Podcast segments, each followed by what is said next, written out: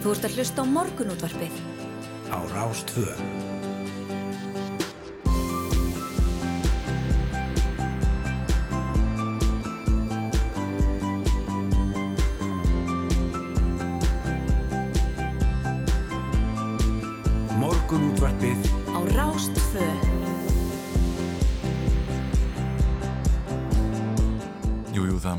Er morgunúttarpið sem fer hér á stað mánudaginn 30. mæ Yngvar Þóru og Hulda Gestóttir með ykkur. Klukkan vantar, já, svona tímyndir í sjö. Og við verum hérna með ykkur til klukkan nýju Jú, jú, engin, engin miskur með það, þið sittið uppi með okkur hérna og nú er hann loksins komin þessi mánudagur sem ég kynnti hérna inn á föstudaginn. Býtum við? Já, ég var svolítið bara einhvern veginn fljót á mér og ég var komið svo mikil sumarfílingur í mig að ég, ég tilkynnti það með pomp og prakt að það væri mánudagur og góð vika framundan. Svona, ég ætla bara að taka upp þá kynningu núna og endur, endur taka hana og Já. endur flytja hana. Þannig að, að jú, Mörgmælust brúðið eh, væntalega á fyrstudaginn Já, var svona, fólki fannst ég svolítið fljót á mér Já. en, en það er svo sem ekki nýtt hefur lengi svona fyllt mér svolítið flumbrugangur og hvað vísi. En uh, það er að mánudagur í dag og uh, góð helgi að baki. Afskaplega gott veður Já. uh, bara um all land og uh, núna hér í höfuborginni er hins vegar þoka og, Já. og svona smá úði. Og við förum nú betur í veðrið á eftir en við ætlum að fara yfir það sem er á, á uh, dasgráði okkur í dag. Jú, um eitt eh, miljardamæringurinn Elon Musk sagði síðustu viku að efnagskreppa var í vændum en það var af hennu góða því peningum hafi ringt yfir vittlýsinga í of langan tíma. Eh, það ber þó vanlega að taka því sem Musk segir með miklum fyrirvara. En ímsar hagtölur eru áhugaverðar þessa dagana. Og þessu ári hefur úrvalsvísitala aðalmarkaðar kaupallar á Íslandi lækka um réttrumlega 20% það er mikil verðbólka hér og annar staðar og vextir eru háir. Og við ætlum að ræða efnaðsmáli við Hafstinn Haugsson, hann er greinandi hjá Kveikubanka í Lundunum og hefur fylgst með þróuninni þar og í Evrópum og hér heima. Já, svo hefur mikil umræða skapast um grein stundarinnar sem kom út á förstu dag. Þar er dregin í efa gæði þeirra læknismeðferðar sem transbörnum og ungmönnum býðst hér á landi og greinin hefur meðal annars verið gaggrind fyrir vísun í óáriðanlega vísindi og fyrir viðmælenda val sem endurspeglar ekki færustu sérfræðingar landsins þegar kemur á málefnum transbarna. Og einn andmælenda þeirra hugmynda sem framkom í greininu um vísindarlegan grundvöld þessara meðferðar er Sigriður Byrna Valstóttir Hún er aðgjafi hjá samtökunum 78 og verður gestur okkar upp úr klukkan halv 8. Já, nákvæmlega. Og síðan er það flótafólkið en á annað hundra manns söfnuði saman á Austurvellum helgina til stuðnings flótafólkinu sem var sendt úr landi á næstunni. Nú tæpla 200 manns er á lista stóðdeldir ríkislauglustjóra yfir fólk sem áður vísa úr landi og þar af eiga 44 að fara til Greiklands en flótabörnum sem vísa er þángað býður líf sem er engu barni bjóðandi samkvæmt nýri skýslu Rauðakross Íslands. Nú Íris Ellenberger, sagfræðingur og dósend við mentavísandasvið Háskóla Íslands, hefur rannsakað fólks flutninga í gegnum tíðina og við ætlum að ræða við hana um það byrja kortir í átta um hvenar og af hverju íslensk stjórnvöld fóru fyrsta takmarka komið fórskinga til lands og hvernig við höfum uh, verið í þeim uh, málum svona, við byrjum okkur saman við uh, hinn Norrlöndin. Já, nú eftir áttafrétnar ætlum við að hins vegar að ræða vinnuvíkuna Já. og svona þetta, þessa umræðu sem alltaf er um styttingu hennar. Nákvæmlega, það byrtist frétt í gær um þá staðrinda vinnuvika yfir 3000 starfsmanna í 60 fyrirtækjum í Breitlandi styttist úr 5 í 4 í næstu mánuði og mörg fögnuði þessu og deildu þessu og vildu eitthvað svipa hér á landi. En uh, fyrirtækinn taka þátt í tilraunaverkefni næstu 6 mánuði. En sambarilegar tilraunir hafa til að mynda verið gerðar hér á landi á Spáni, í Bandaríkjunum og Kanada. En Íslendingar hafa í gegnum tíðina unnið eh, lengri vinnudag en þær þjóðir sem við berum okkur um, oft sama við. En það var saman um styttingu vinnuvíkunar í mörgum kjærasamningum árið 2020 en nokkuð hefur verið dilt um hvernig til hefur tekist raunverulega að stytta vinnudaginn og vinnuvíkuna hér á landi hjá ólíkum starfstjættum og við ætlum að ræða þessi mál við Sonju Ír Þorbergsdóttur formann BSRB og einmitt spila líka kannski hvort að það þurfa að ganga en lengra í næstu kjærasamningum. Já, já. Svo hefur við verið duglega að fjalla um allskins göngur á hálendinu en það er nú líka þannig að sumir kjósa að ferðast um óbyggðir akandi og það má líka blanda þessu tönnu saman nefnilega. Og nýlega kom út uppfært útgáfa hálendis handbókarinnar sem hefur um árabil reynst góður ferðafélagi þeirra sem ferðast um hálendið og við ætlum að fá höfundin Pál Ásker Áskisson til okkar um hálf nýju leiti til að, að segja okkur frá ferðalögum á bíl um hálendið. Já, og síðan er íþróttinnar. Já, Gunnar Birgisson, íþróttafréttamaður er okkar maður í dag, kemur hérna svona kortir í nýju eða svo, ætlar að fara yfir það helsta uh, frá helginni en það er óvægt að segja að það sé af nógu að taka bæði innanlands og utan. Ég mitt, það er einmitt hér að fórsið morgunblassi skemmtileg mynd af uh, stelpunum í fram. Það er fögnuði Íslandsmeistara í 2003. sinn. Já, Um, og, eh, Í hafa- Jú, í handbólta, jú, jú, eftir að hafa unnið dramatískan sigur og liði vals í fjórðaleg liðana í úslitum Íslandsmótsins um, á sunnudag í gær. Í leiknum uh, lauk með 23-22 sigri fram sem vann einvið þá 3-1. Uh, einmitt, það er hérna mikil gleð á þessari mynd og, og skiljanlega magnaður árangur liðsins. já, og svo vann fram val í kalla Já. líka í gær, þannig að þetta var góðu dagur hjá, hjá þeim. Já, já, En já, og ímislegt fleira sem gekk á í, í, í fótboltanum, það var svolítið magnað, ég var þarna á leiknum í Víkinni já, og vikingar skoruðu fyrst og síðan og það var náttúrulega eins og alltaf á heimavilli hamingunar, alveg Já, pongo blíða og allir í tannstúkunni eins og hún er kallu já, vikingar farið að selja sólgleru á leikjunum og derhúr en síðan jöfnuðu káamenn. Og þá bara dróf fyrir sólu. Það var mjög dramatíst það bara kom svona þoka yfir dalinn og bara dróf fyrir sólu og var þetta svona hálfdimt já, og kallt en sem betur fyrir, fyrir já, þau okkar sem að minnstakosti fylgja vikingum þá, þá náðu þeir nú að skora í uppbóta tíma og, og, og hérna en það er ennþá, ennþá smá þoka þannig að við þurfum Já. að vinna okkur út úr þessu já, já, nákvæmlega, nákvæmlega. Sumar að kemur með, með boltanum að einhverju leiti, má alveg segja það. já, Herði séni hérna rætt eh, um það á fórsíðan morgunblassins að eh, málefni Reykjavíku flugvallar getur einst erfið í viðræðum framstóknar og þryggja flokka gamla meiri hluta sér Reykjavík en skömmu fyrir kostningar kastaðist í kekki millir ríkis og borgar um þau. En uh, Sigur Ringi um innviðar á þeirra á formar framstóknarflokksins hafnaði frekari uppbyggingu í gröndu völlin uh, fyrir nýr flugvallar kostur var í fundin og uppbyður og Einar Þorsteinsson tók undir þau sjónamið og sagði mikilvægt að borgin virti samning frá 2019 þar að lútandi. Eh, og eh, það er svona hérna það, þau hljóta að ræða þetta núna á næstu dögum eh, þau sem sitja núna við samningaborðið hvernig best sé að haga málum þarna í Vasmýrinni já á vefnum okkar rú.is er áhugaverð frétt af úkrænsku hljónstinni Kalús Orkestra sem vann söngvakefni Euróskar sjónvastóða á dögunum með læginu sínu skemmtilega Stefania. Og þeir hafa tekið sér til og selt velunagripin sem þeir fengu fyrir sigurinn í söngvakefninni og gripurinn var seldur á uppbóði og andvirðið rennur til úkrænska hersins.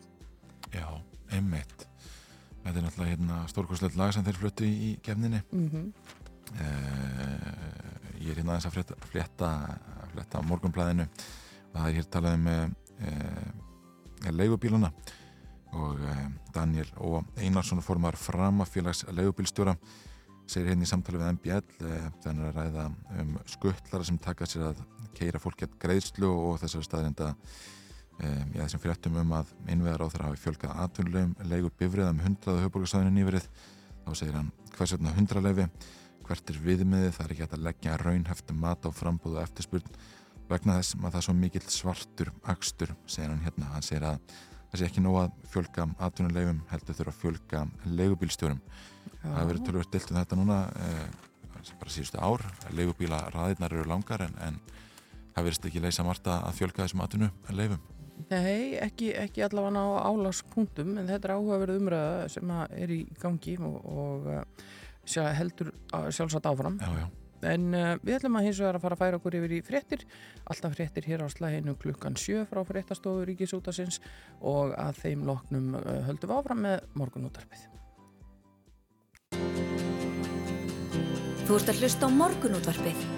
á Rástvö.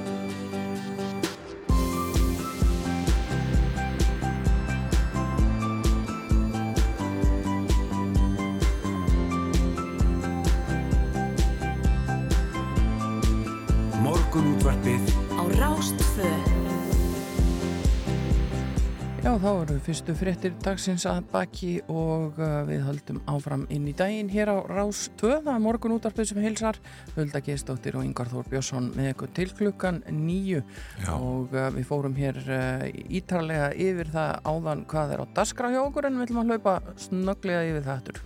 Jújú, við ætlum að ræða efnagsmálinn eh, við Hafstein Haugsson, hann er greið hjá Kvikubonga í Lundunum.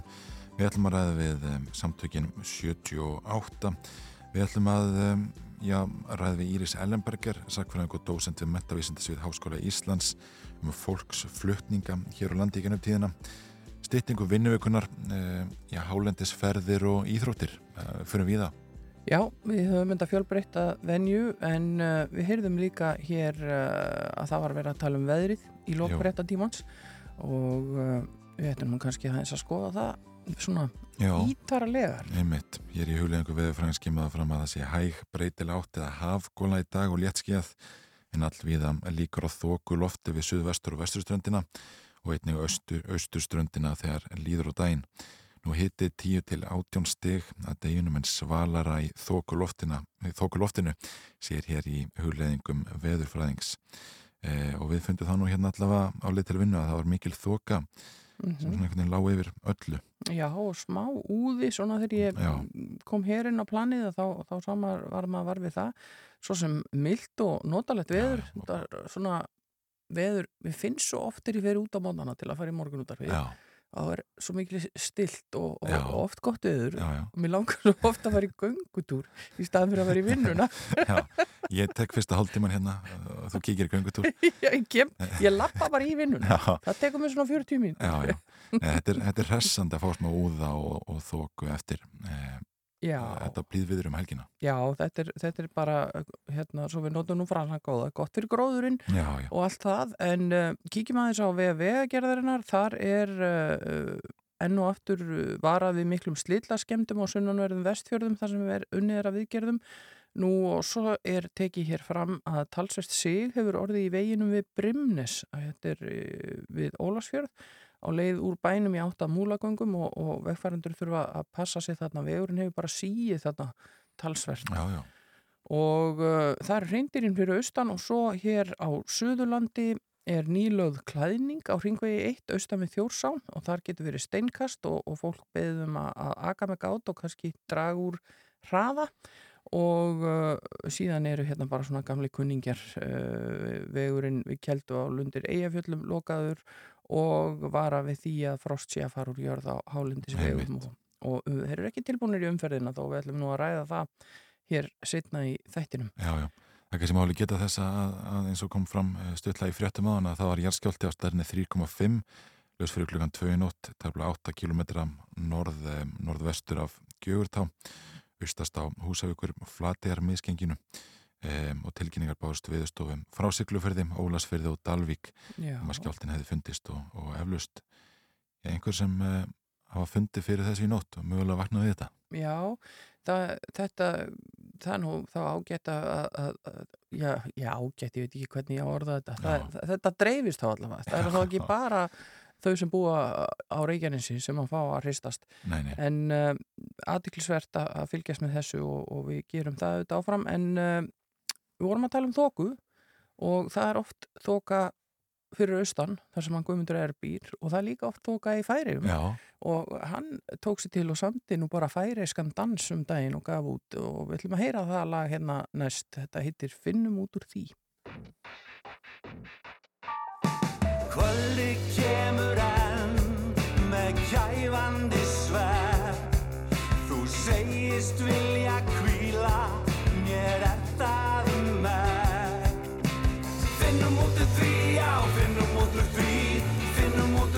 bara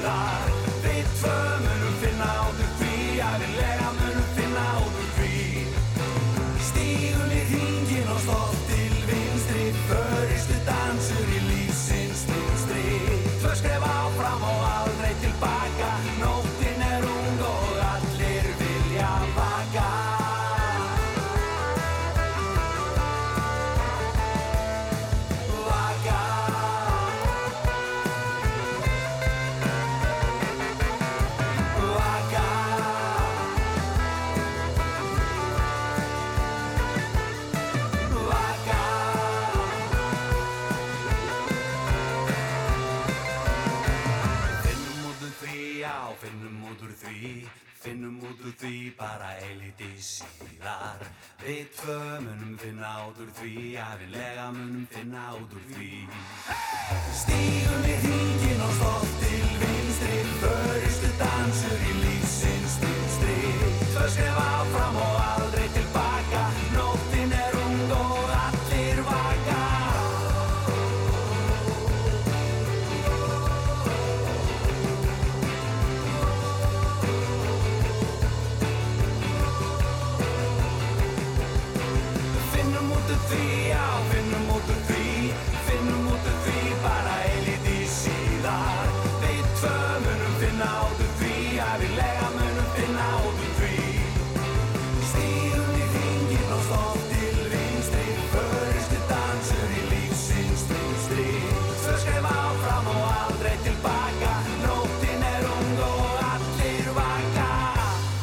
Vaknaðu með morgunútvarpinu á Rás 2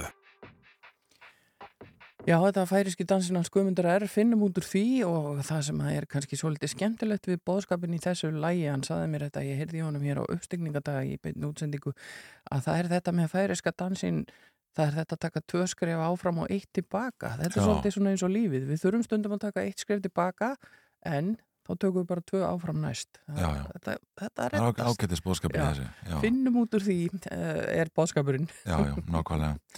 Herðu, eh, við erum nú að fara aðeins yfir vef miðlana hérna, eh, Rúf og, og aðra miðla mm og það segir hér frá því eh, á vef Rúf, þar er eh, já, skrifuð upp úr eh, viðtal við Sergi Lavrov, utanríkisráðara Rúslands, sem segir allar vangaveltur um veikindi Vladimir Putin fórseta úr lausu lofti gripnar en orðrómur hefur verið uppi um nokkra hríðum að Putin sé hilsu veill eh, og eitt og annað hefur verið talið hrjáforsetan sem hefur ekki mikið sérst ofinberlega eh, verið 70 í óttúber, segir hér. Mm. en um, já, hann var í viðtal við fransku sjóastöðuna TF1 og um, hann sagði að engum með fullu viti geti dottið í huga stað þegar Putin sé veikur eða haldið já, nokkurum uh, kran, uh, krankleika eins og, eins og hann segir hérna.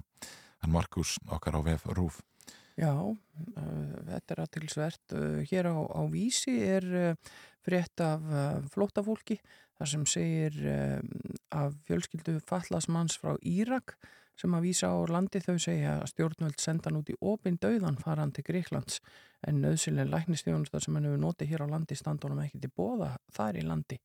Og þessi fjölskylda er búin að vera hér í um eitt og hálft ár eftir að hafa komið frá Greiklandi og Lögmaður fjölskyldunar segir að þar uh, sem allir fjölskyldumeðlumi séu eldri en 18 ára hafi brottísun þeirra ekki verið dregin tilbaka en, en dómsmálar á þeirra hefur sagt að það standi ekki til að vísa batnafjölskyldum til Greiklands mm og um, þau segja hér í Greiklandi er ekki hægt að lifa eðlilegu lífi, þar er enga vinnu að fá.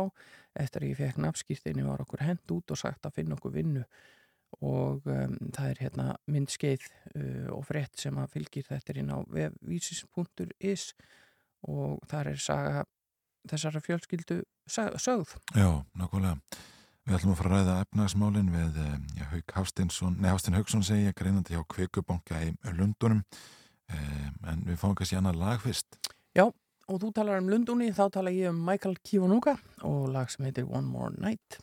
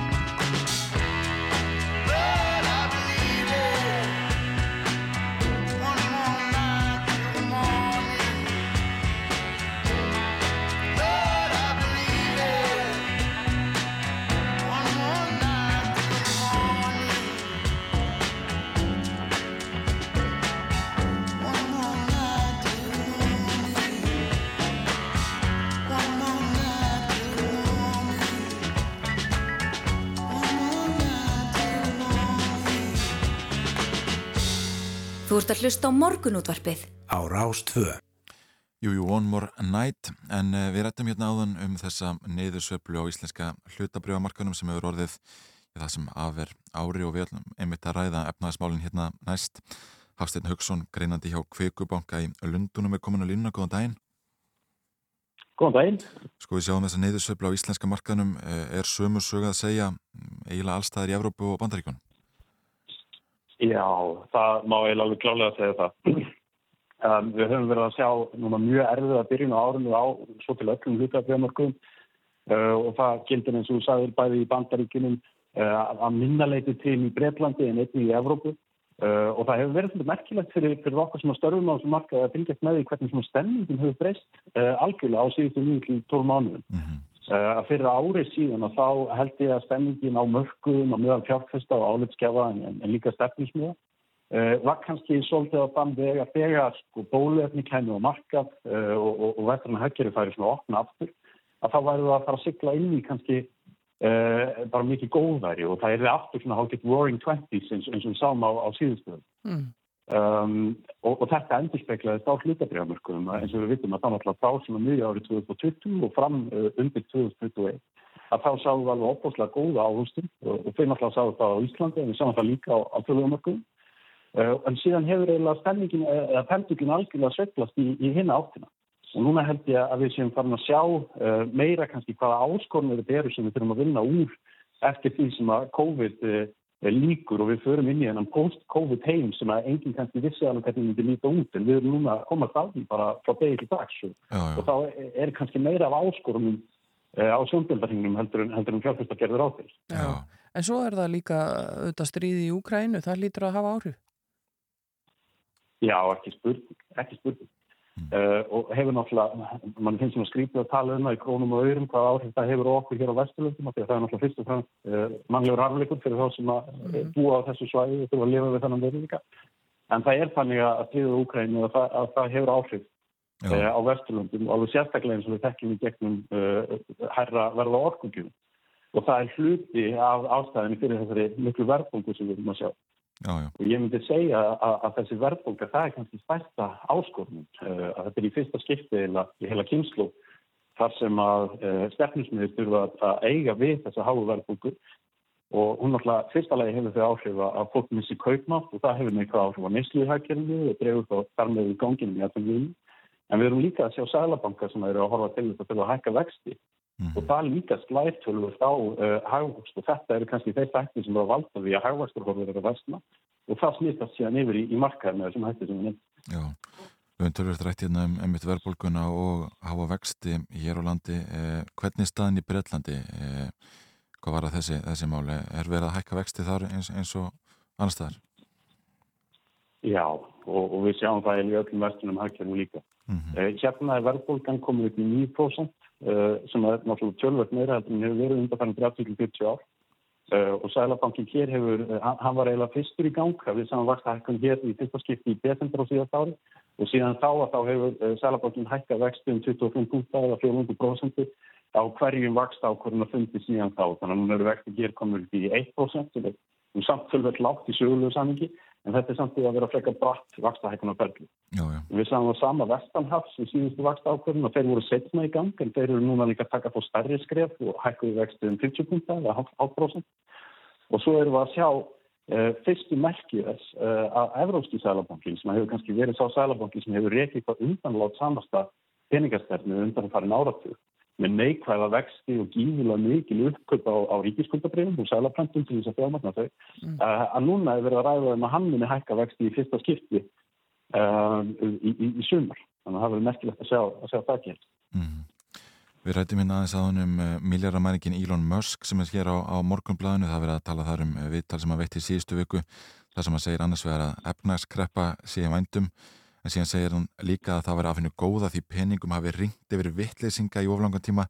Þannig að það kannski 20 þessu er efnagskreppa í vændum og, og einmitt hefur peningu verið að ringna yfir vittleysinga í oflangan tíma.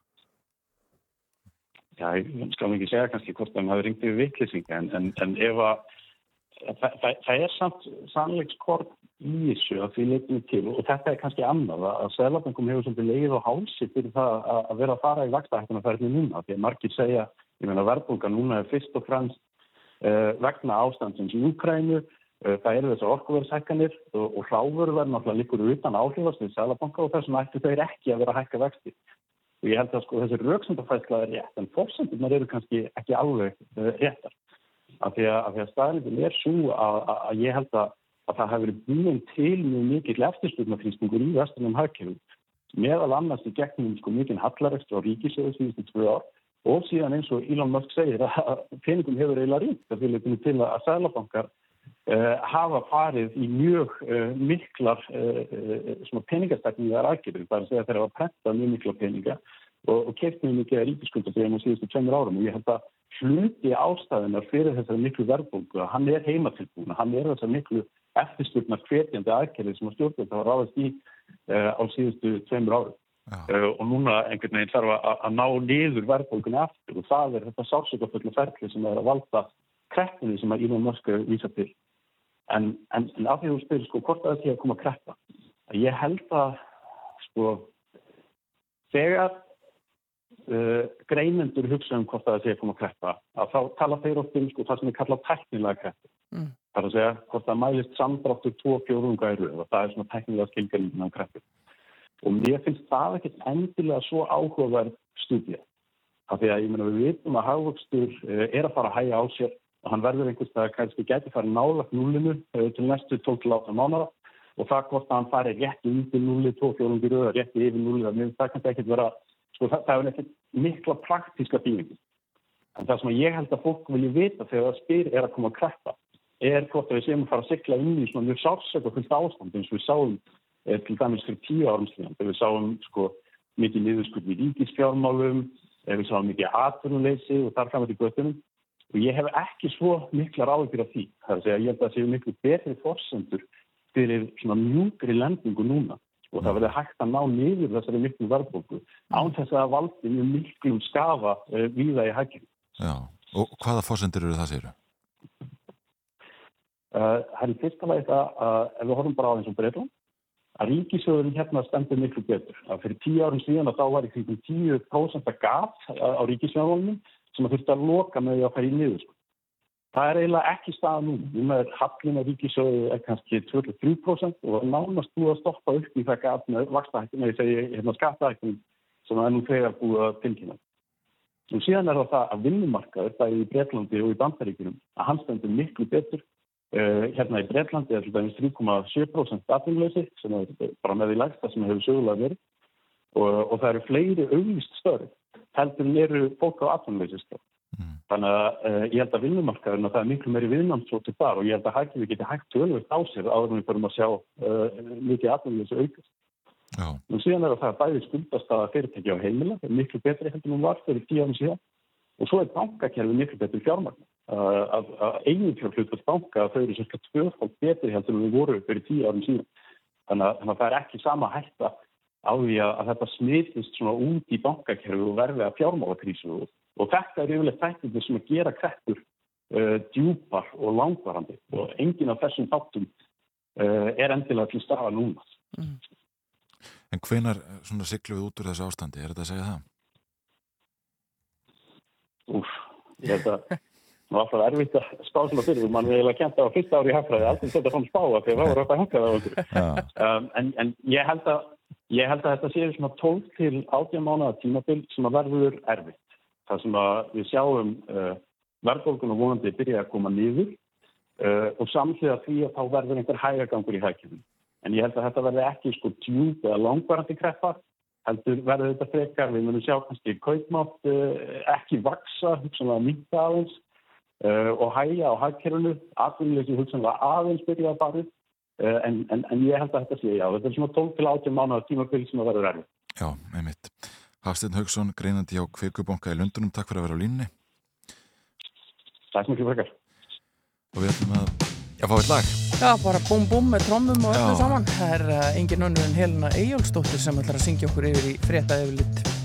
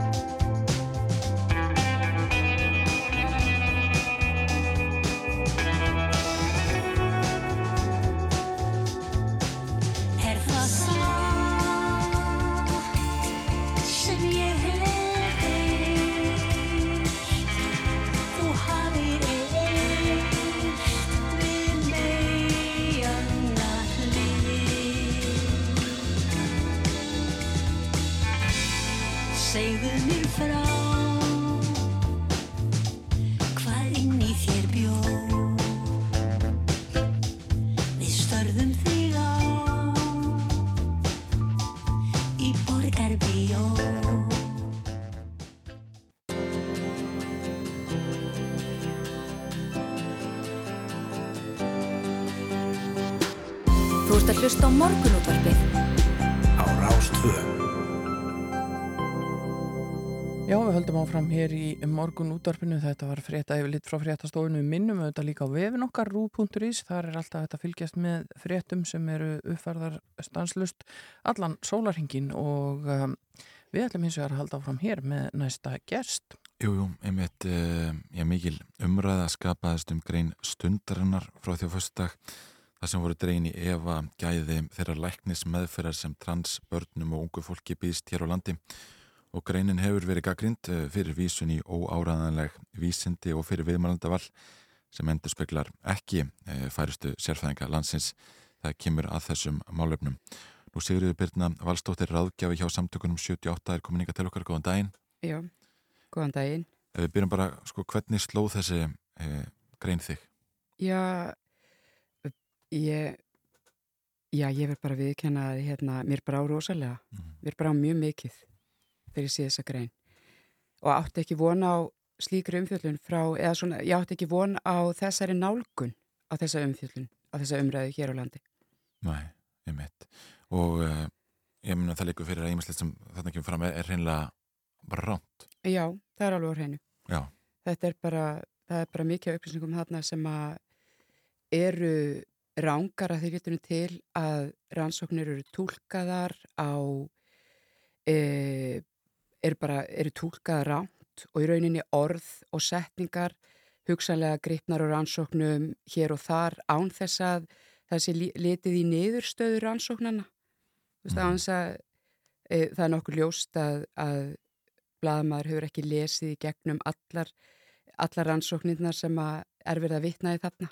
Af því að niðurstöðnar eru mjög skýrar að í, niðurstöðnar eru mjög skýrar að, að hérna, það eigi ekki að hætta þessum yngrippum. Já, einmitt. En, en það kom ákveðin viðhorf fram í þessari grein sem að, uh, já, eru kannski uh, óþægileg og, og, og, og koma á óvart uh, þeim sem fylgjast með uh, samfélagsumræðinni. Uh, áttu því vona á því að, að svona viðhorf, að þetta væri en þá svona, getur við orðað þannig? Sko, við vitum auðvitað að fólk sem að ekki fylgist vel með og ekki veit nákvæmlega hvað er í gangi og þekkir ekki e, þekkir ekki þennan málaflokk vel. Við vitum alveg að, að fólk hefur hérna eins og skoðanir og, og það er margt að gerast í London með kringum okkur sem getur oft áhrif á það líka. En, en já, komið smá óvart að fjölmilar skildu taka þessa skildu taka þennan vingil mm. á sömuræðu sem ég er búin að segja. Og, og hvaða áhrif hefur það á, ja, transungmenni, ungt transfólk? Sko í fyrsta lagi að þá hérna, hérna hefur þessi sko, umfyllun alveg gífulega triggerandi áhrif á, á aðstandendur og börn og ungmenni og þau sem þurfa þjónustunum að halda og ítir undir og ítir líka, og svona umfyllun ítir líka undir fordóma í samfélaginu, ítir undir evasendir um að landsbyttilinn sé að veita rétt að þjónustu og svo þessi alveg að reynu og þá vitum við alveg að þau þau á spítalanum sem eru að veita þessu þjónustu að starfsfólks tran, transteimis og þeir laknar sem eru þar eru alveg að sinna sínu hlutverki og eru, endur, og þessi hérna, skoðin endurspeglar ekki þeirra skoðanir Mm. Já, bara einmitt. alls ekki Nei, en uh, sko greinu vatti mikla uh,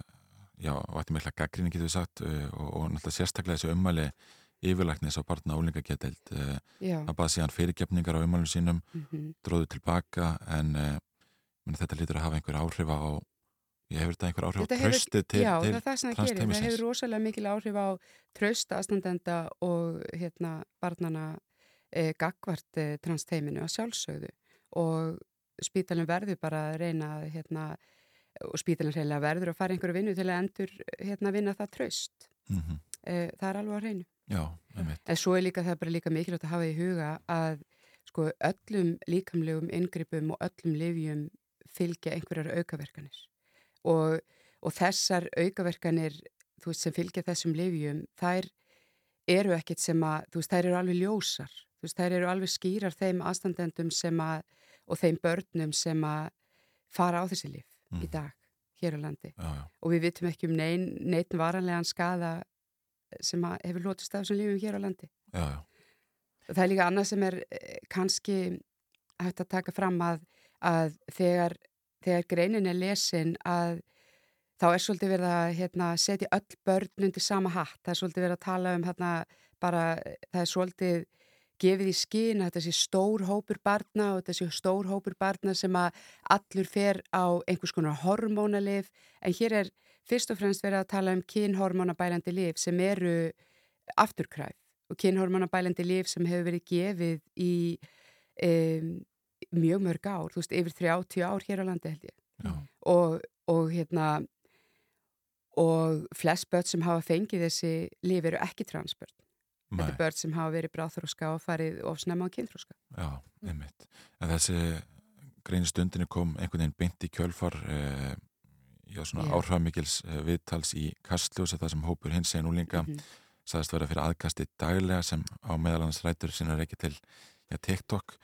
Og það er eins og sko fórsættis á þeirra sagði það, það virðist vera svona grund á fordómunum í samfélaginu. Já, um, ég held reyndar að um, sko, upplifin okkar er að það sé miklu meiri meðvitund, það er miklu meiri stuðningur, það er miklu meiri stuðningur út í samfélaginu heldur en það er mótlæti í rauninni og ungt fólk í dag er frábært og miklu meðvitara heldur en það hefur oft áður verið.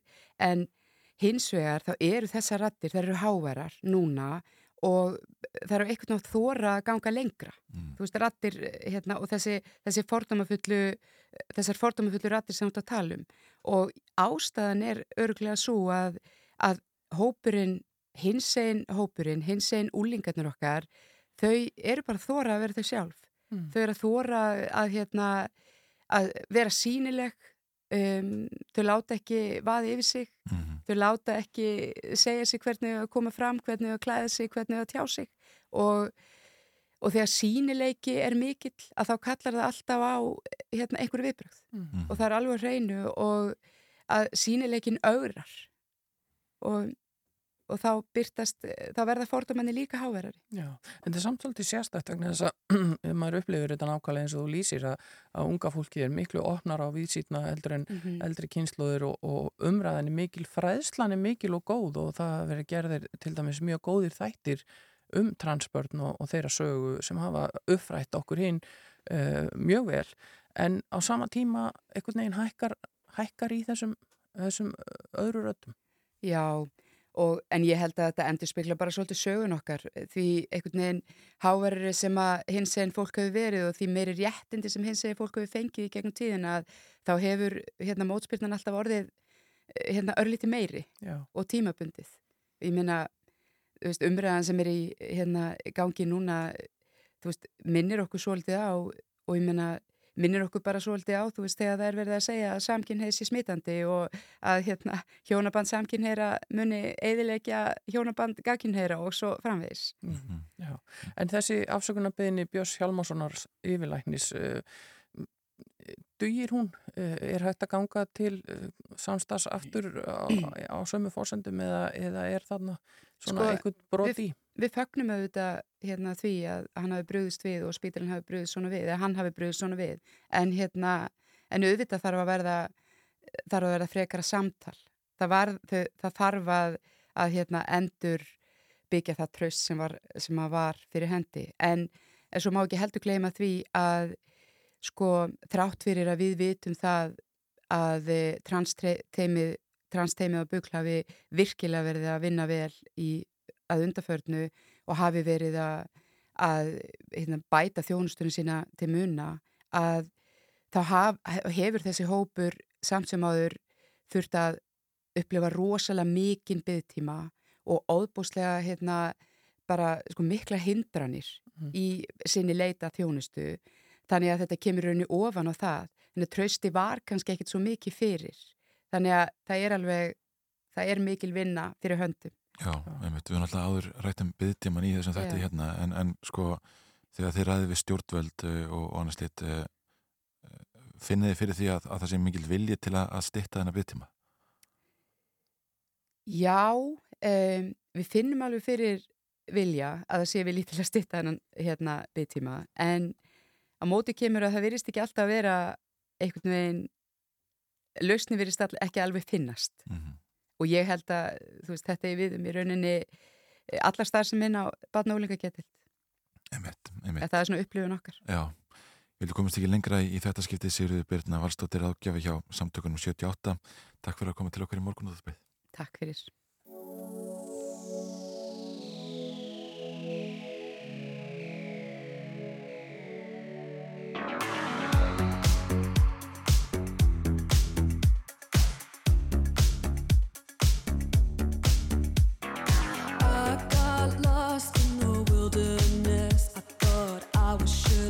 falling apart. The pain you caused cut so deep, truly was a work of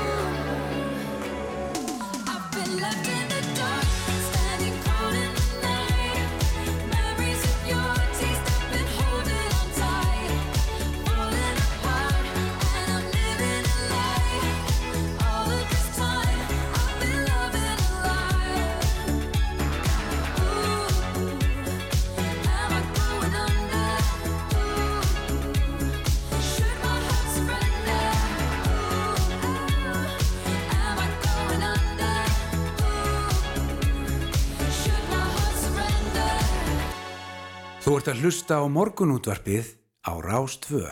Vissulega og þetta var fjólubláa disco-vélin eða Purple Disco Machine heitir Já. þessi ágæta sveit In the Dark heitir hins vegar lægið Já, þetta er ágætt að mándi. Já. Aðeins að koma okkur í gang Já, en e, á annað hundra mann söpnuði saman á austurvellum helgina til stuðnings flóttafólkinu sem á að senda úr landi á næstunni. E, af þessum mikla fjölda e, á að senda 44 til Greiklands.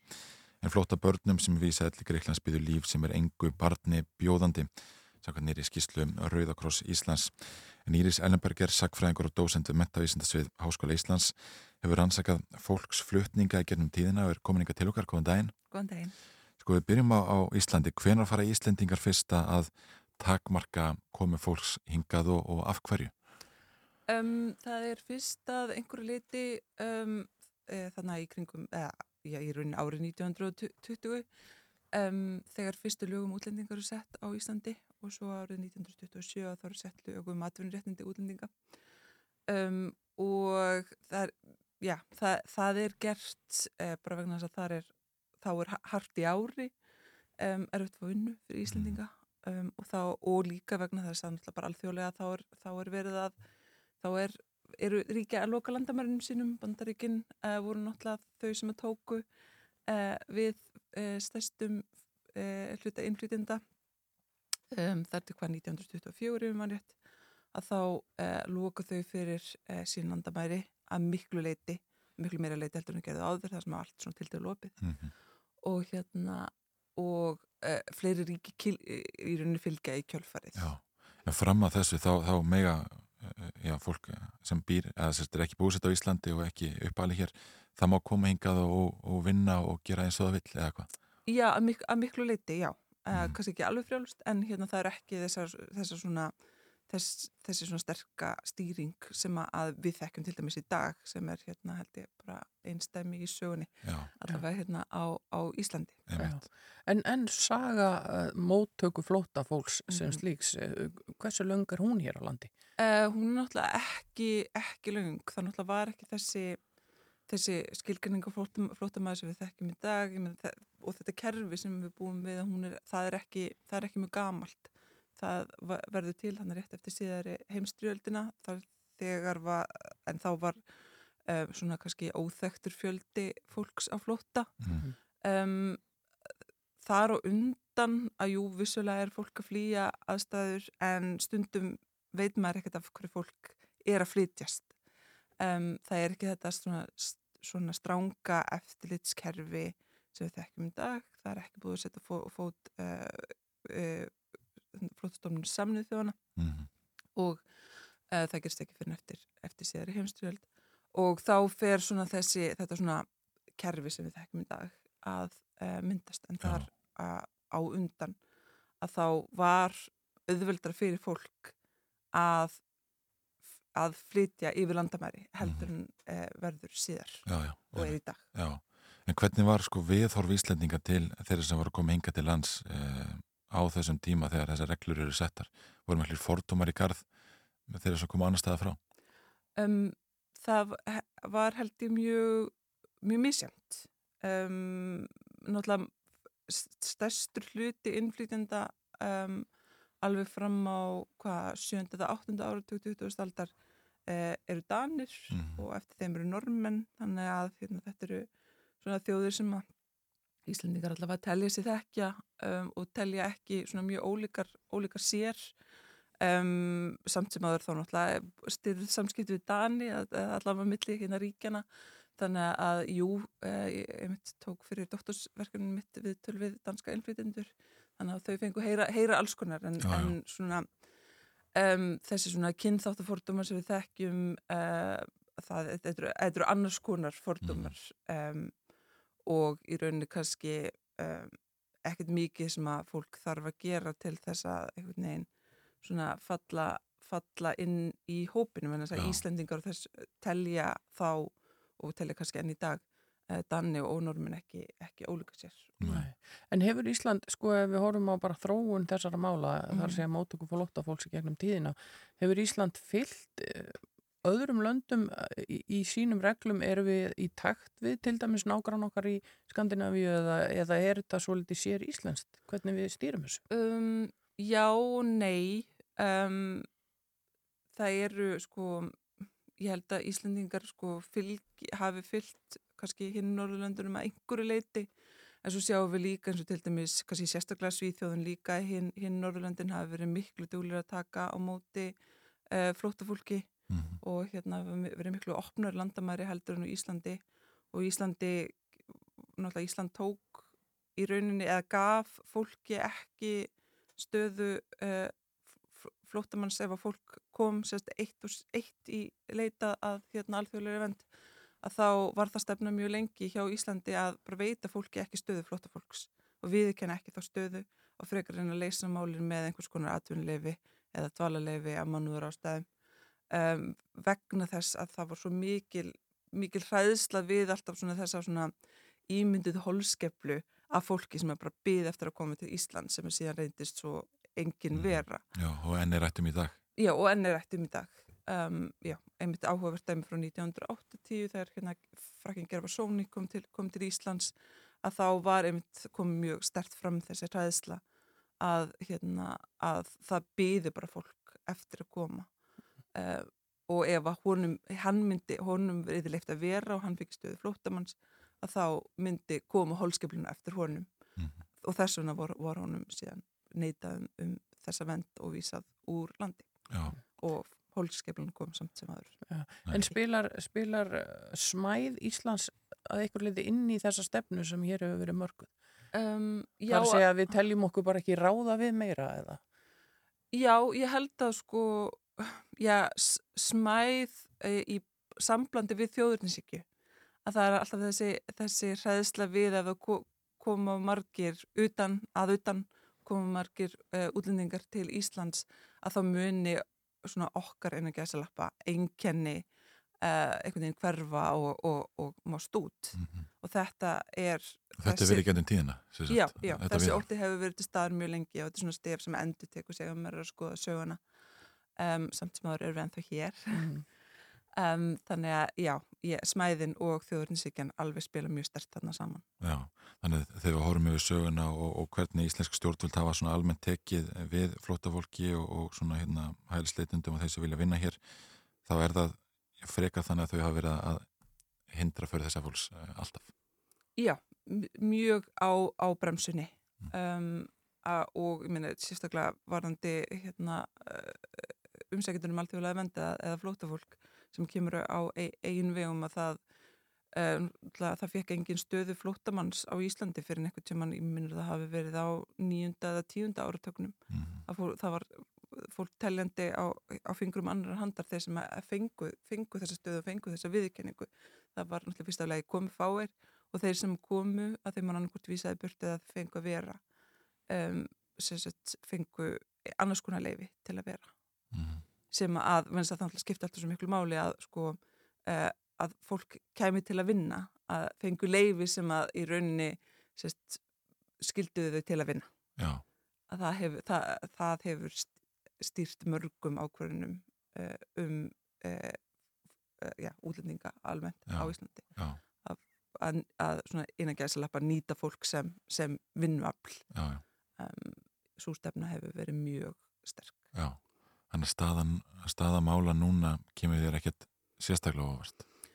Um, já, nei, það að uh, þessi stóru hópur frá Úkrænu hafi verið, uh, sérst, að hann hafi fengið að koma til landsins og svona snögt að það koma einhverju leiti óvart um, en kannski ekki að því leiti að þau eru hvít. Um, það er líka eitthvað sem skipti, hefur skipt miklu máli í uh, eða svona innflýtindastefnu Íslands að hérna uh, hvernig húðlitt fólk, fólk uh, hefur. Þannig að svona, jú þá koma óvart uh, að svona stór, stórum hópi er hleyftin í landið en kannski uh, svona með við þegar maður uh, skoður hópin að þá ef að það átt að hleypa einhverjum stórum hópin í landið þá kemur ekki óvart að hafi verið þessi hópur en ekki eins og til dæmis fólk frá Sýrlandi á sínum tíma eða frá Afganistan. Mhm. um, þannig að það er eitthvað nýtt uh, annað ekki og svo náttúrulega þessi ný, nýja útlendinga uh, sest, nýja frumvarp til laga um, um, um eða sest, til útlendingalaga að það er uh, það er algjörlega í samræmi við stefnuna sem að hefur uh, verið við líði að hleypa sem fæstum inn en uh, ég held að samt að þá sé þetta sko þau lög sem að ganga ganga lengst allavega frumarfið eins og það lítur út núna Einmitt. þá gengur það mjög langt Já, já. Eh, Íris Ellenbergir, sakfræðingur og dósandið metavísindasvið Háskóli Íslands, takk fyrir að ræða við okkur hérna í morgunundorpinu. Já, áhugavert að fara yfir þetta svona aðeins í, í söglu samhengi. Við erum náttúrulega alltaf að, spá í samtíman en, en uh, allt á sér sína sögu. Nú, hér framöndan hjá okkur, það eru fréttir á slæginu klukkan átta og að þeim uh, loknum ætlum við að ræða meðal annars uh, vinnuvíkuna og tilrauna verkefni þar sem við erum að stýtta að vinnuvíku úr fimmdögum í fjóra í Breitlandi til Já, dæmis. Yfir 3000 starfsmenn sem í næsta mánuði vinna einum degi færra í viku. Já, og við ætlum líka að forvitnast aðeins um ferðalega hálendinu að þessu sinni agandi, ekki bara gangandi og svo eru það íþróttir helgarinnar en það er að nógu að taka eins og alltaf og Gunnar Birgisson kíki til okkar en fyrst förum við í auðlýsingar og fréttir. Þú ert að hlusta á morgunútvarpið. á Rástvö.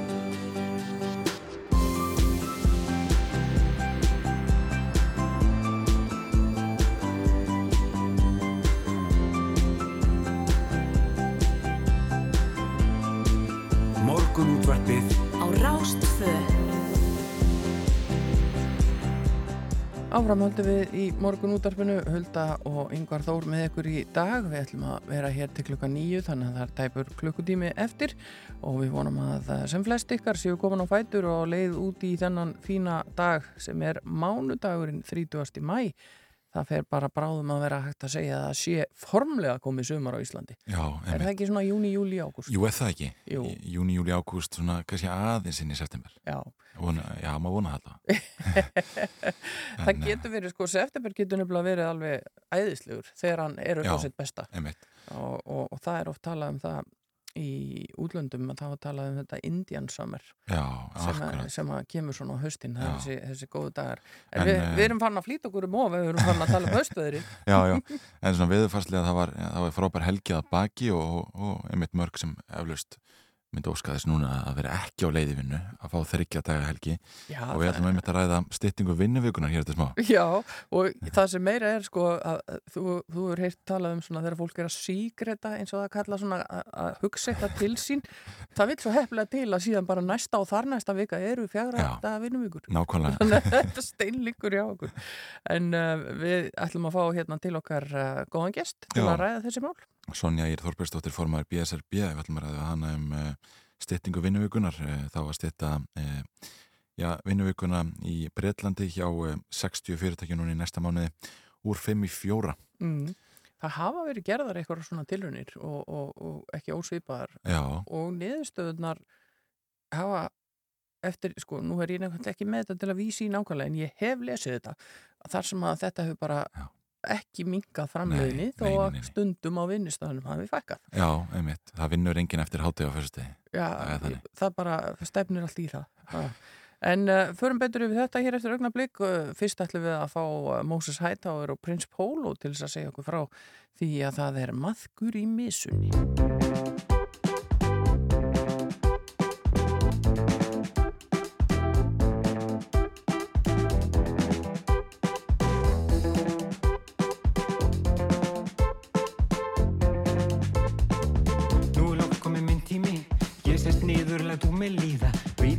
Hvað mér langar í Svo ég ákveða hingrað eins og býða Er það lakris eða hlaupangsi? Bara það sem veldur ekki bakflæði. Eitthvað sem lina mína þjáningar Og vekur ekki upp á þægilegar spurningar.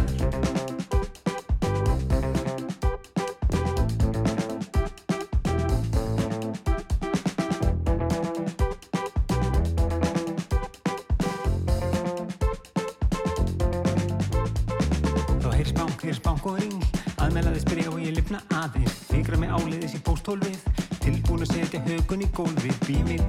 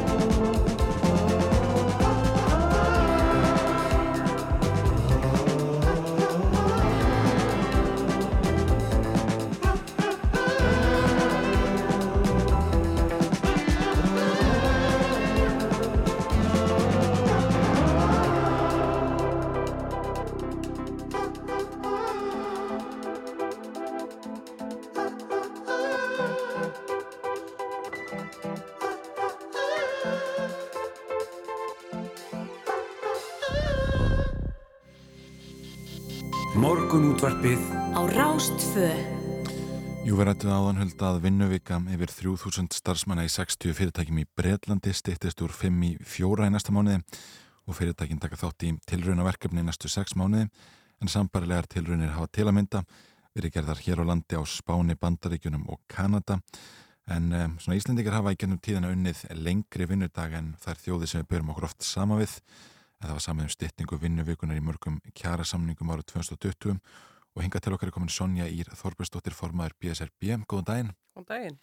Og hversu langt var gengið í, í styttingu vinnuvikunar uh, í þessum kjærasamningum fyrir já, einu hálfu ári?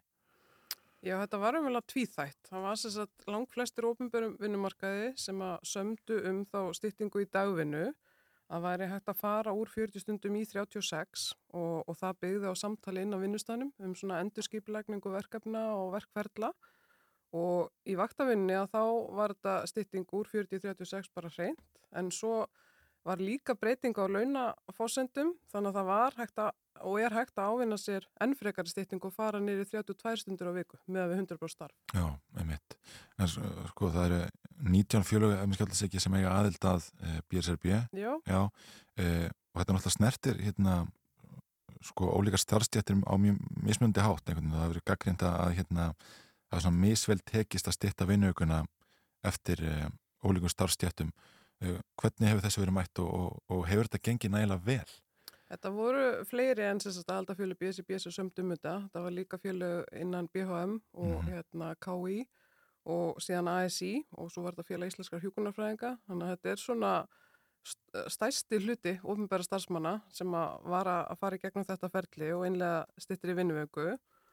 Og við erum komið með svona fyrstu kannanir og kannski svo stærsta, hún var gerð hjá ríkinu þó þetta taki til ríki og sveitafélags og líka stopnana sem að er í eigu hins ofnbæra og, og þar sjáum við að það er heildar ánægjan er mjög mikil. Það er sjö hverjum tíu sem eru bara mjög ánægði með styttinguna og það er líka áhugast að maður svona rínir aðeins dýbra í það að svona meiri ánægja á litlum heldur en stórum stopnunum sem gefur okkur vísbendingar um að þau eru kannski að, að fara þangað inn og veita meiri stuðning eða fræðslu Mhm.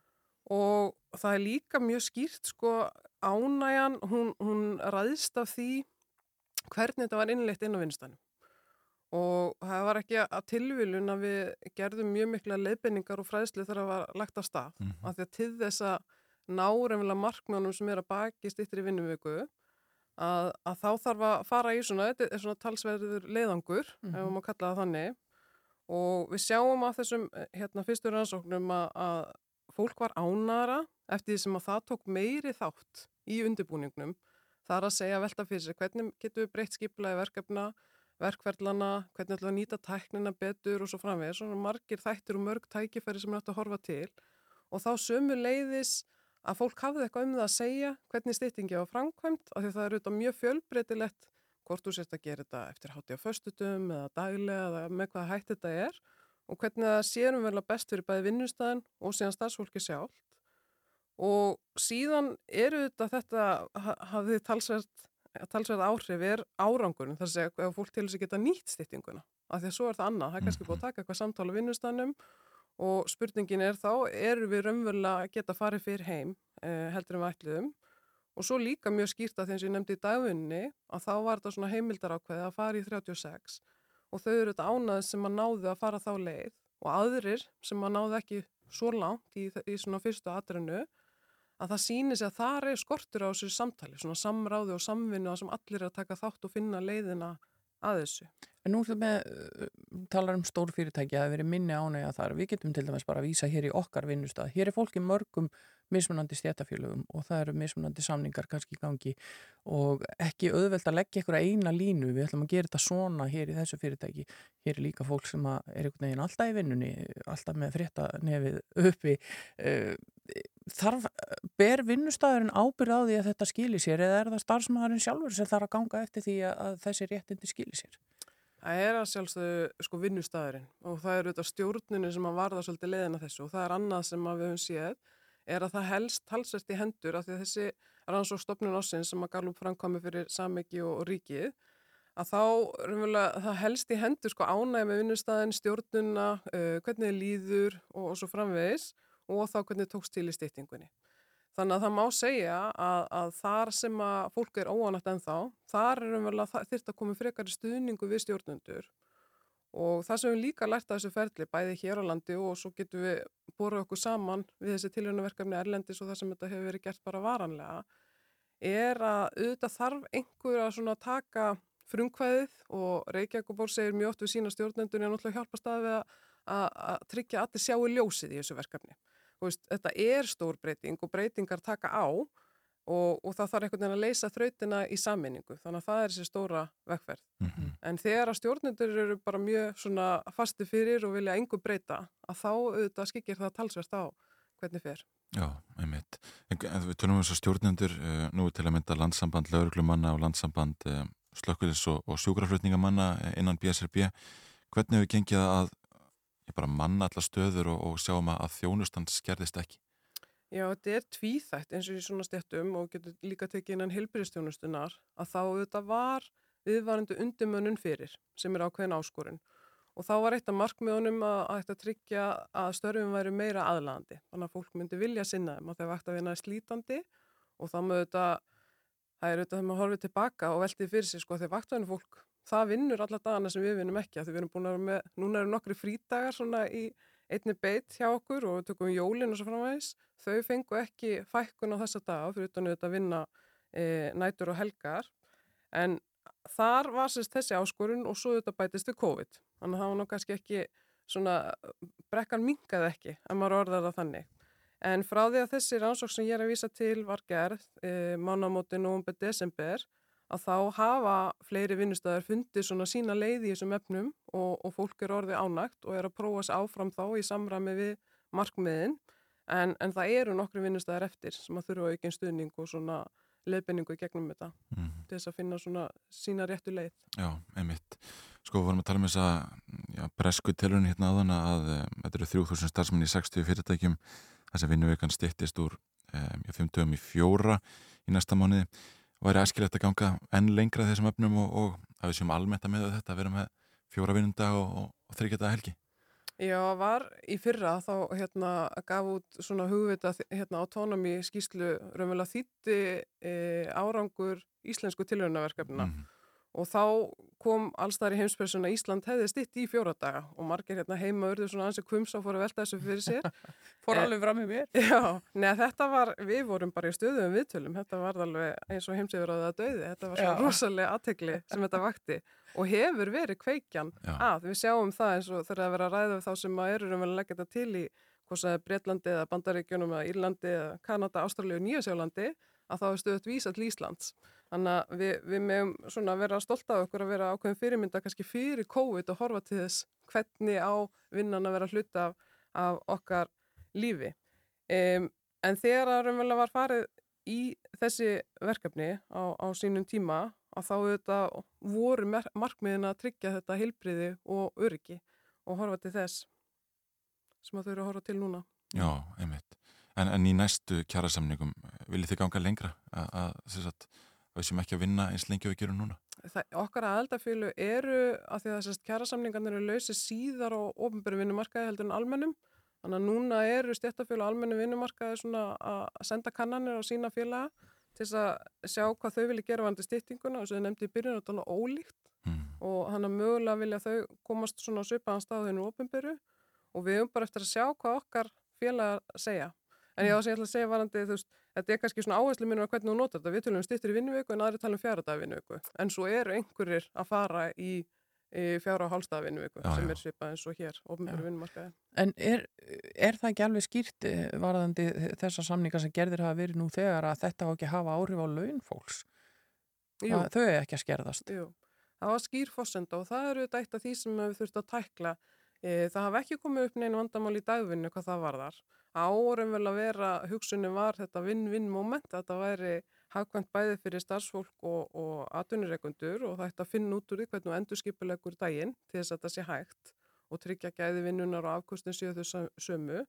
Og við getum það er svona þvert yfir, alveg sama hvar þú vinnur það hefur þetta gengið upp, þetta hefur samt verið áskorun eins og á leikskólum og það er kannski eitthvað sem við þurfum að skoða betur í kjærasamningum og ég veit að leikskólakennarar hafa verið að gera af því að það er, það er kannski líkara vaktavinnu að því leitinu til að það er svo mikið maður og mann Mm. Um, en í vaktavinnu sjálfri, af því þá var sérst, breyting á launafossundum, að, að þá var þetta hérna, skrifa mjög skýrt í kjærasamning að launin áttu ekki að lekka, áttu ekki að vera nein, neina breytingar á þeim, uh, en það er hins vegar kannski aðeins meira verkefni vegna þess að við breytum launafossundunum að tryggja. Þannig að við tölum oft um að út að vera á nulli fyrir og eftir kerfisbreytingar og svo þarf að finna út úr því hvernig er þetta að tryggja það Mm. Og það hangir mjög á því hvernig skipula vaktana er. Þannig að það er ekkert endilega sko fyrsta svari er að fara í einhverja leiðréttingu launa, það er að finna út hvernig má skipulegja vaktirnar með sem bestum hætti og tryggja sig vera raunverulega innleiða styttinguna með þeim hætti sem er lagt upp með. Já. Í kjærasamningum er oftast verið að- fjalla um, um já, einhverjar upphæðir og prósendur og, og eh, það hefur nú gætna verið þannig gennum tíðina en, en er fólk farið að taka já, meta bara lífsgæði eh, meira inn í samninga til dæmis í tengslu við vinnutíman skiptir þetta orðið meira máli að við höfum bara tíma til að lifa eh, ekki kannski endilega hvort við fáum þúsungalli meira á viku eða minna? Alltaf mjög skýrt hjá okkar félagsfólki og það má raunverulega reykja sögun aftur til hrunsins 2008 af því þá eins og við munum mörg að þá aðeins breyttist svona forgámsröðun okkar og hvernig vildum hafa okkar lífi. Og þá kom fjölskyttan í fyrsta sæti og þá fundum það mjög stert og þetta var eitthvað sem átt að setja framalega í kröfugerðina í kjærasamningum og vegferðin hefur umlega verið síðan þá. Þannig að það var byrjað á þessum tilrjónaverkefnum sem í heildina hjá Ríki og Reykjavíkuborg tóku um 3000 þátt í og gekk mjög vel. Og auðvitað horfa margir til þess að að þetta er e, þú innleðir ekki styttinguna bara á einni nóttu. Þetta er vegferð og, og fólk er að læra ímisletta á leiðinni bæði stjórnundur og, og, og vinnustæðir þannig að það, það mun halda áfram. Við erum alltaf að læra meira og meira.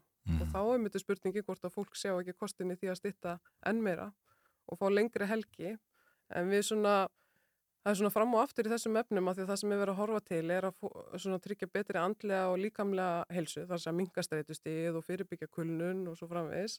Og stór hluta því eru þetta næring, kreyfing og svefn og þá er spurningin sko er þryggjata helgin, hjálpar hún best í þeim efnum eða væri það mögulega Já. þannig að það er svona margt sem að þurft að ræða betur. Já, þetta er ágætt loka orð Sonja Eir Þorbjörnsdóttir, formaður BSRB Takk fyrir að ræða við okkur í morgunútvarpinu Takk fyrir.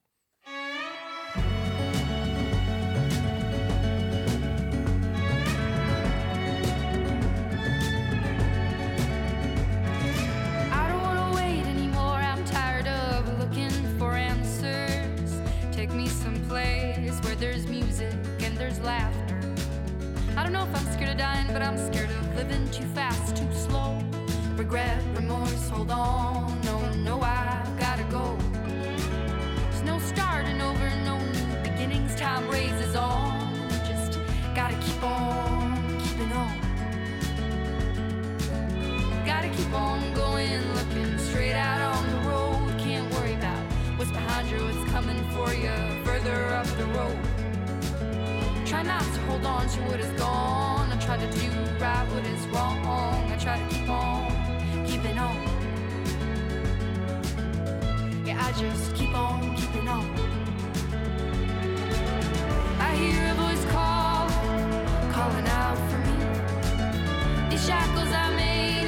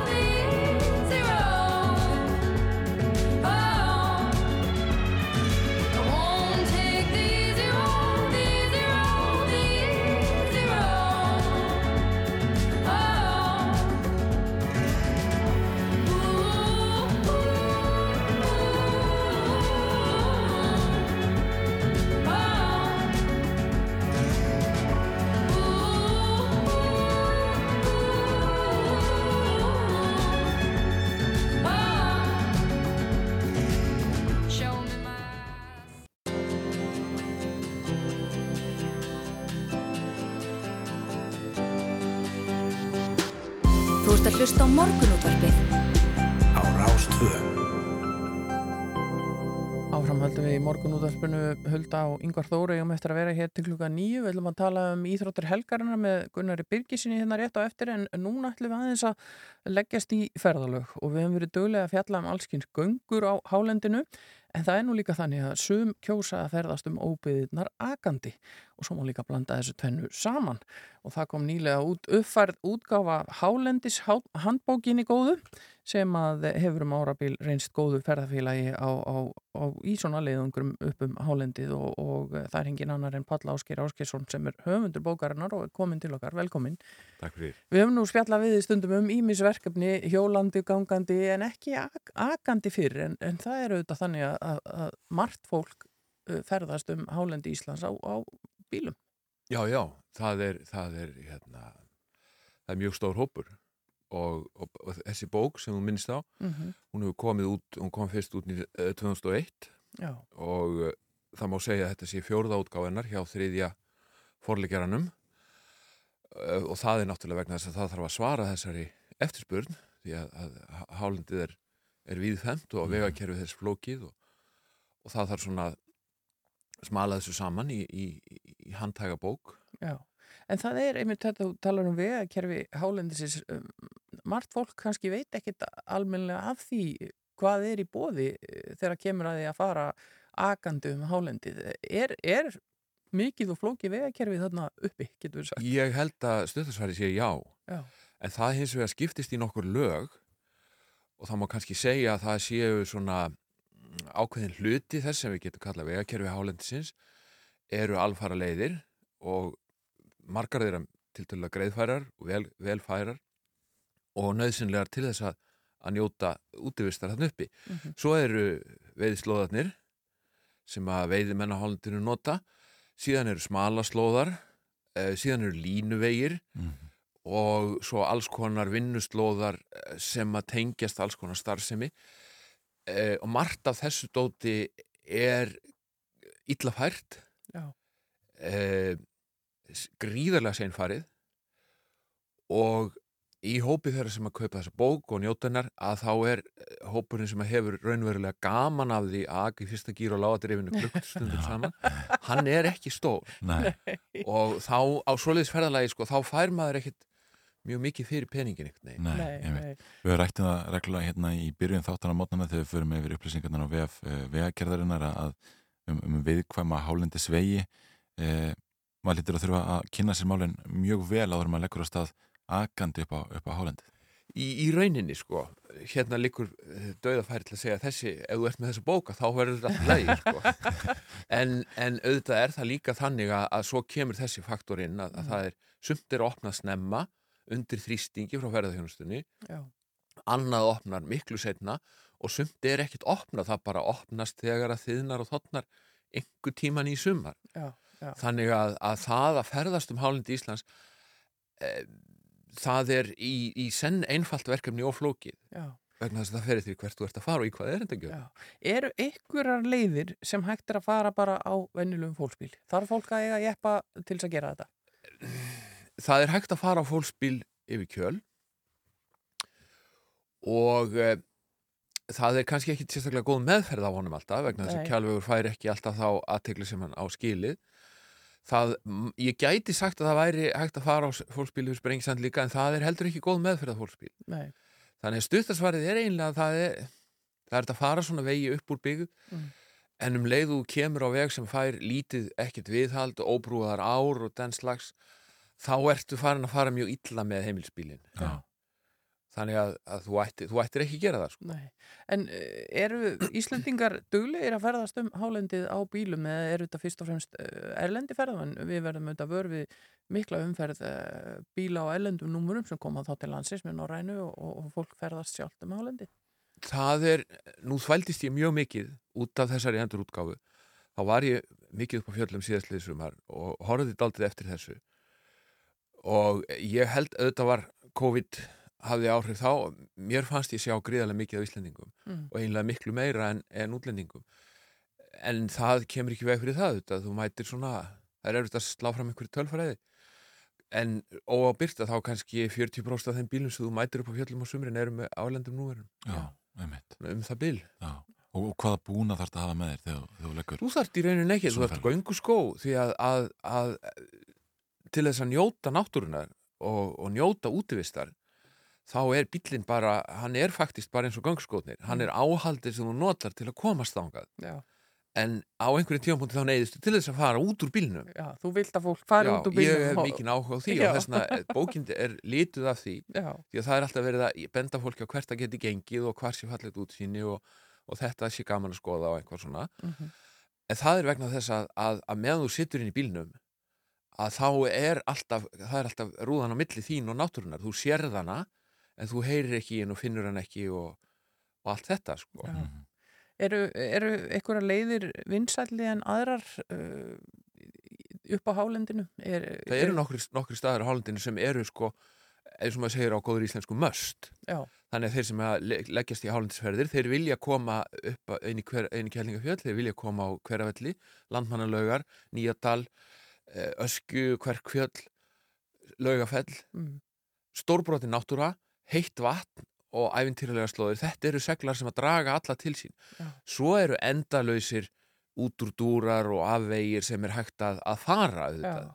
og svo var náttúrulega ekki gleyma því að þó að Þórsmörk sé niður á hérna e, lálendi langleðina niður undir sjáarmáli Já, já, já, já. að þá er hún samt sko sá aðfang, áfangastæði sem dregur flesta til sín og það þarf jeppa Já. þess vegna er fjallað um Þórsmörk í þessari bók þó þetta sé hálendisbók Já, já, Vi, við tengjum hana þar við. Já, en hún er í 130 metra hæði við sjó Já, en hvað með svona, ég kannski, kannski full mikið hjá mér að kalla það sunnudarsbíldur, en, en hvað með svona leiðangra út úr borginni yfir daginn? Náum við að fara upp á hálendi Þú í dagsferð? Já, já, þú næðir að fara ef þú drýfur þig, snemmafættur upp á fjöll, Mm. inn á kjálveg inn í Kvítarnes stígur þar út í gamla sælúsið drefur bílnum og, og horfir yfir vatnið og á jökulinn og þá ertu bara Já.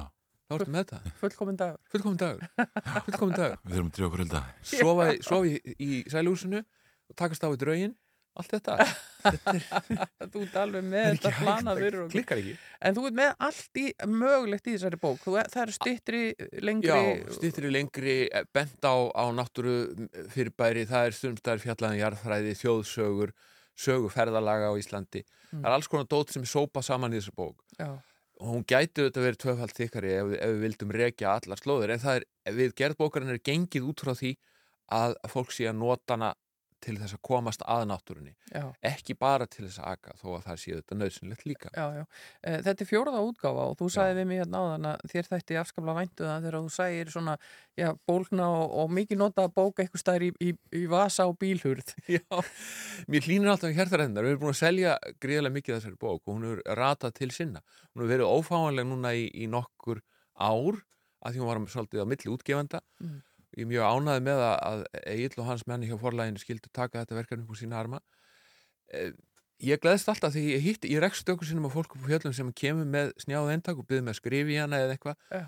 og svo hef ég séð hana svona í vasanum innan á bílstjórahörðinu og hún er orðin orpin og skemmt á raka og skít og eins og hún á að vera. Hún á að vera þessi bók á ekki að vera upp í hillu heim í stofu. Nei. hún á að vera í bílnum. Já, Hálendis handbókin, Ekið um óbyðir Íslands heitir hún og uh, við þakkum við bara fyrir að kíkja okkur Páll Ásker Áskilsson og uh, já, það er ekkit annað að gera en að óskra þér góður að ferðala í sumar, hvað sem það verður á, á, á bíli eða fæti.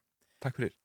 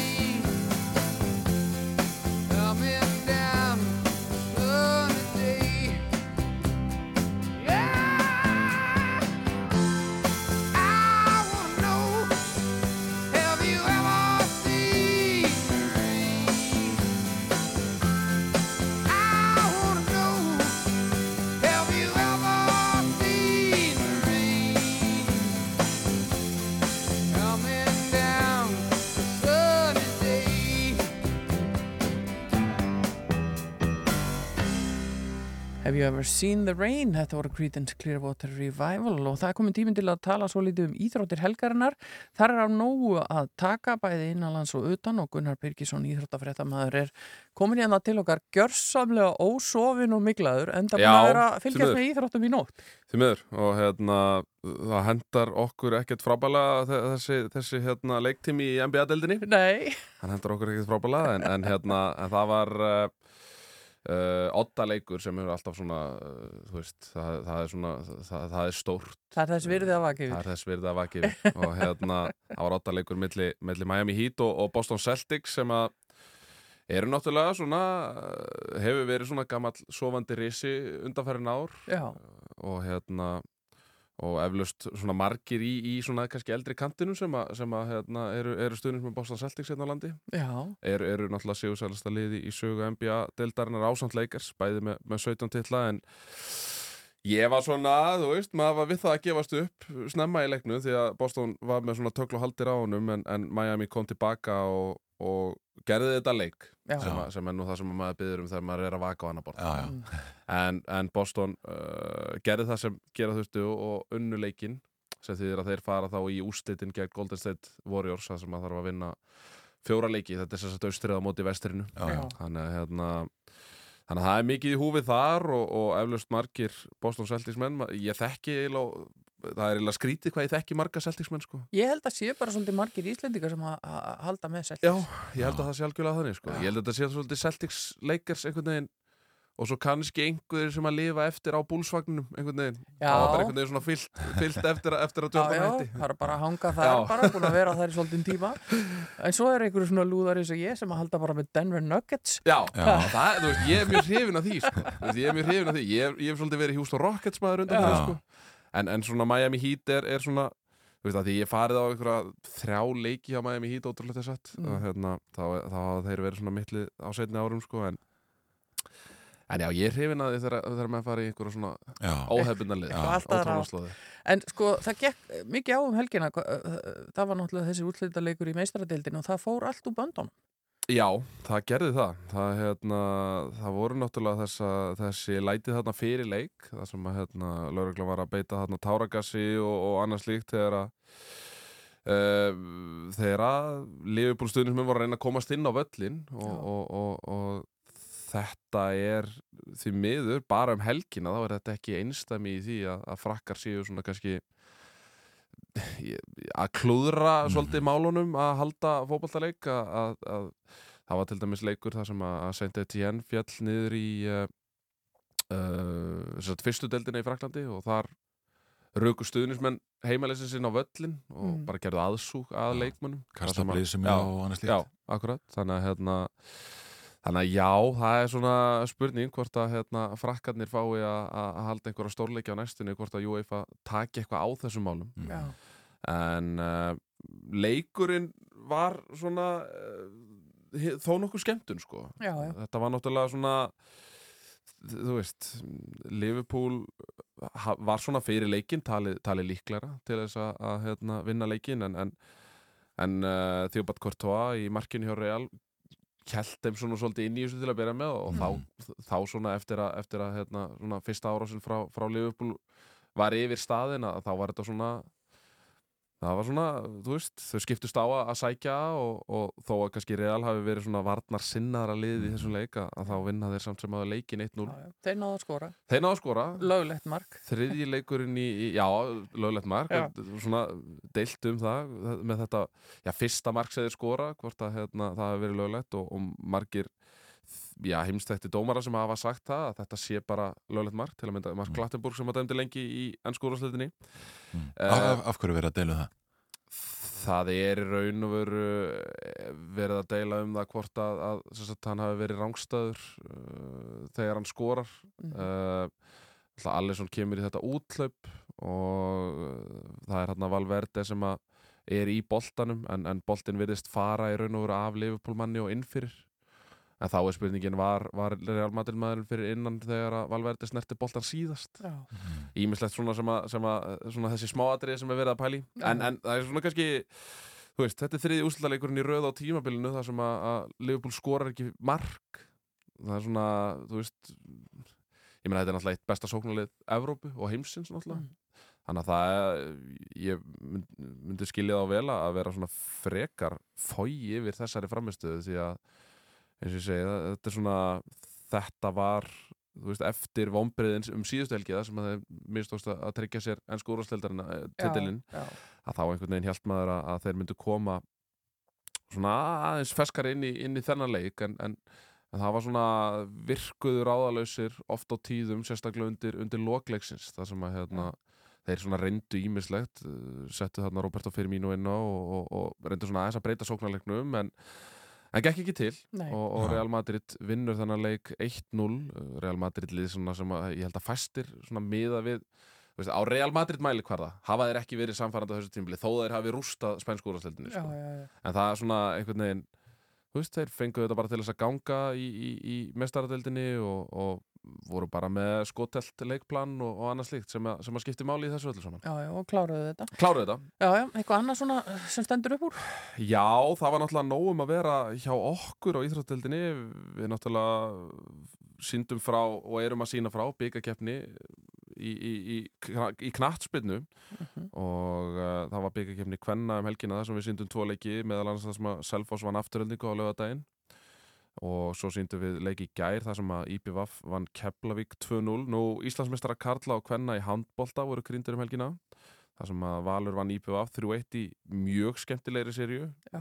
serju sem að flestir byggust við því að Valur myndi bara vinna mjög þægilega, sérstaklega þegar þeir runnu fyrsta leiki með tíu mörgum og bara voru einhvern veginn að leika sér að þessu en, en IPVF síndu það að, að í vestmannegjum og, og, og, og á hlýðarenda í raun og veru að, að þeir eru ekkert lamba að leika sér við og gerðu þetta frábæri serju þar sem að hérna, Valur vinnur 3-1 uh, og svo er það fram sem að vinnur Val 3-1 uh, vinna með einsmarsmun á hlýðarenda í, í leik fjögur þar sem að Karin Knúsdóttir skorar nýju mörg og, og fram því Íslandsmeistari Kvennamein uh, í frábæri serju þar sem að samanlagður markafjöldi á milli liðana í leikjónum fjórum var sjö mörg þannig að fólk átt að segja á því hvað, hérna, hvað það er mjótt á munum í þessum leikjum.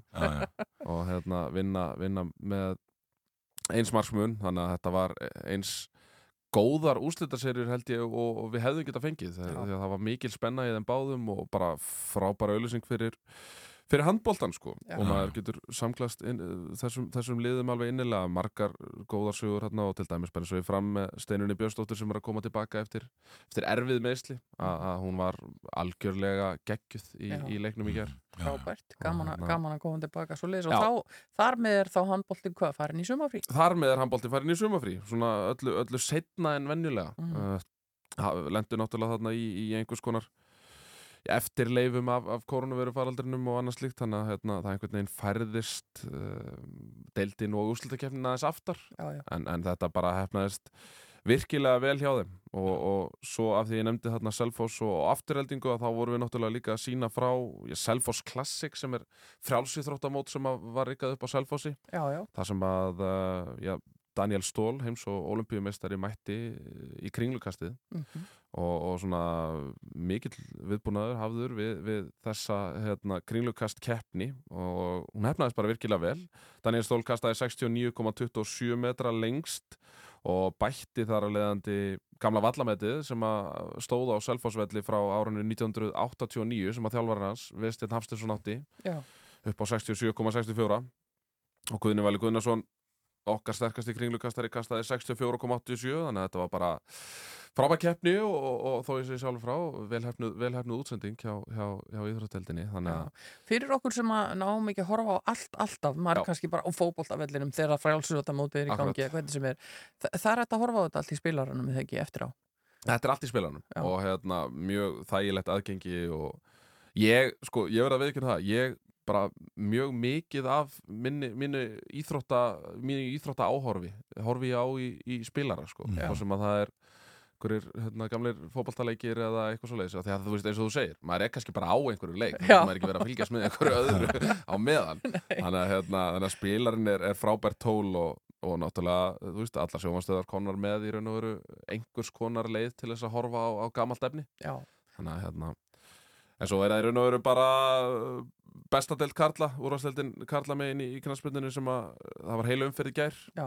það sem að breyðablík setur á toppnum eftir eftir átta leiki þegar deildin fer í smá frí ég held að næstu leikir sé ekki fyrir en 15. júni það er að koma landsleikja hlýja núna. Já, þannig að hérna, breyðablík setur á, á toppnum hafa unnið sína fyrstu átta leiki framvinnur val 3-2 í, og kvöttu þannig sáðumýruna í ótrúlega, kvöttu þannig Safamýrina og það er söknuður af henni, Já, alveg klálega þó að hérna, ég er með uh, Þorkell Gunnar náttúrulega kollegi minn á Íþróttadeildinni bý náttúrulega upp í Úlfarsárdal þannig að maður fær reglulega upptitt af, af því hvernig framkvæmdir ganga það Já, þannig, að, já. hérna, en þetta, uh, þú veist, svæðið er að það lítur mjög vel út og er náttúrulega á mjög fallegum stað. Og, Frábær hérna, hérna, mjög fallegur og, og frábær aðstæða sem þeir eru að skapa sér þar og, og vonandi bara fram einhvern veginn nái vopnum sínum aftur og verði bara aftur þetta, þetta stórveldi sem, að, sem að þeir eru. Já, já. Og svo er auðvitað að fylgjast með þessu öllu saman inn á íþróttavefnum okkar á rú.is eða viljið kafa hún í þetta og svo í spilaran Gunnar Birgisson, takk fyrir að kíkja við hjá okkur og fara aðeins yfir íþróttir helgarinnar. Bara mín var ánægjan. Og það er komin tími til að kveðja yngvar Þór, Jú, við erum búin í dag. Já, já, rættum margt og mikið og þetta nálgast allt okkar efni á rúf.is sumulegis ef við þökkum Við ætlum að enda þetta á John Grant sem að hitaði upp fyrir Rufus Wainwright í Hörpu í gær og heyrum lagið Pale Green Ghost morgun útarpið á sínum stað aftur í fyrramáli en morgun verkin hér rétt á eftir Back then I often found myself driving on the road at night and the radio was broadcasting the ocean.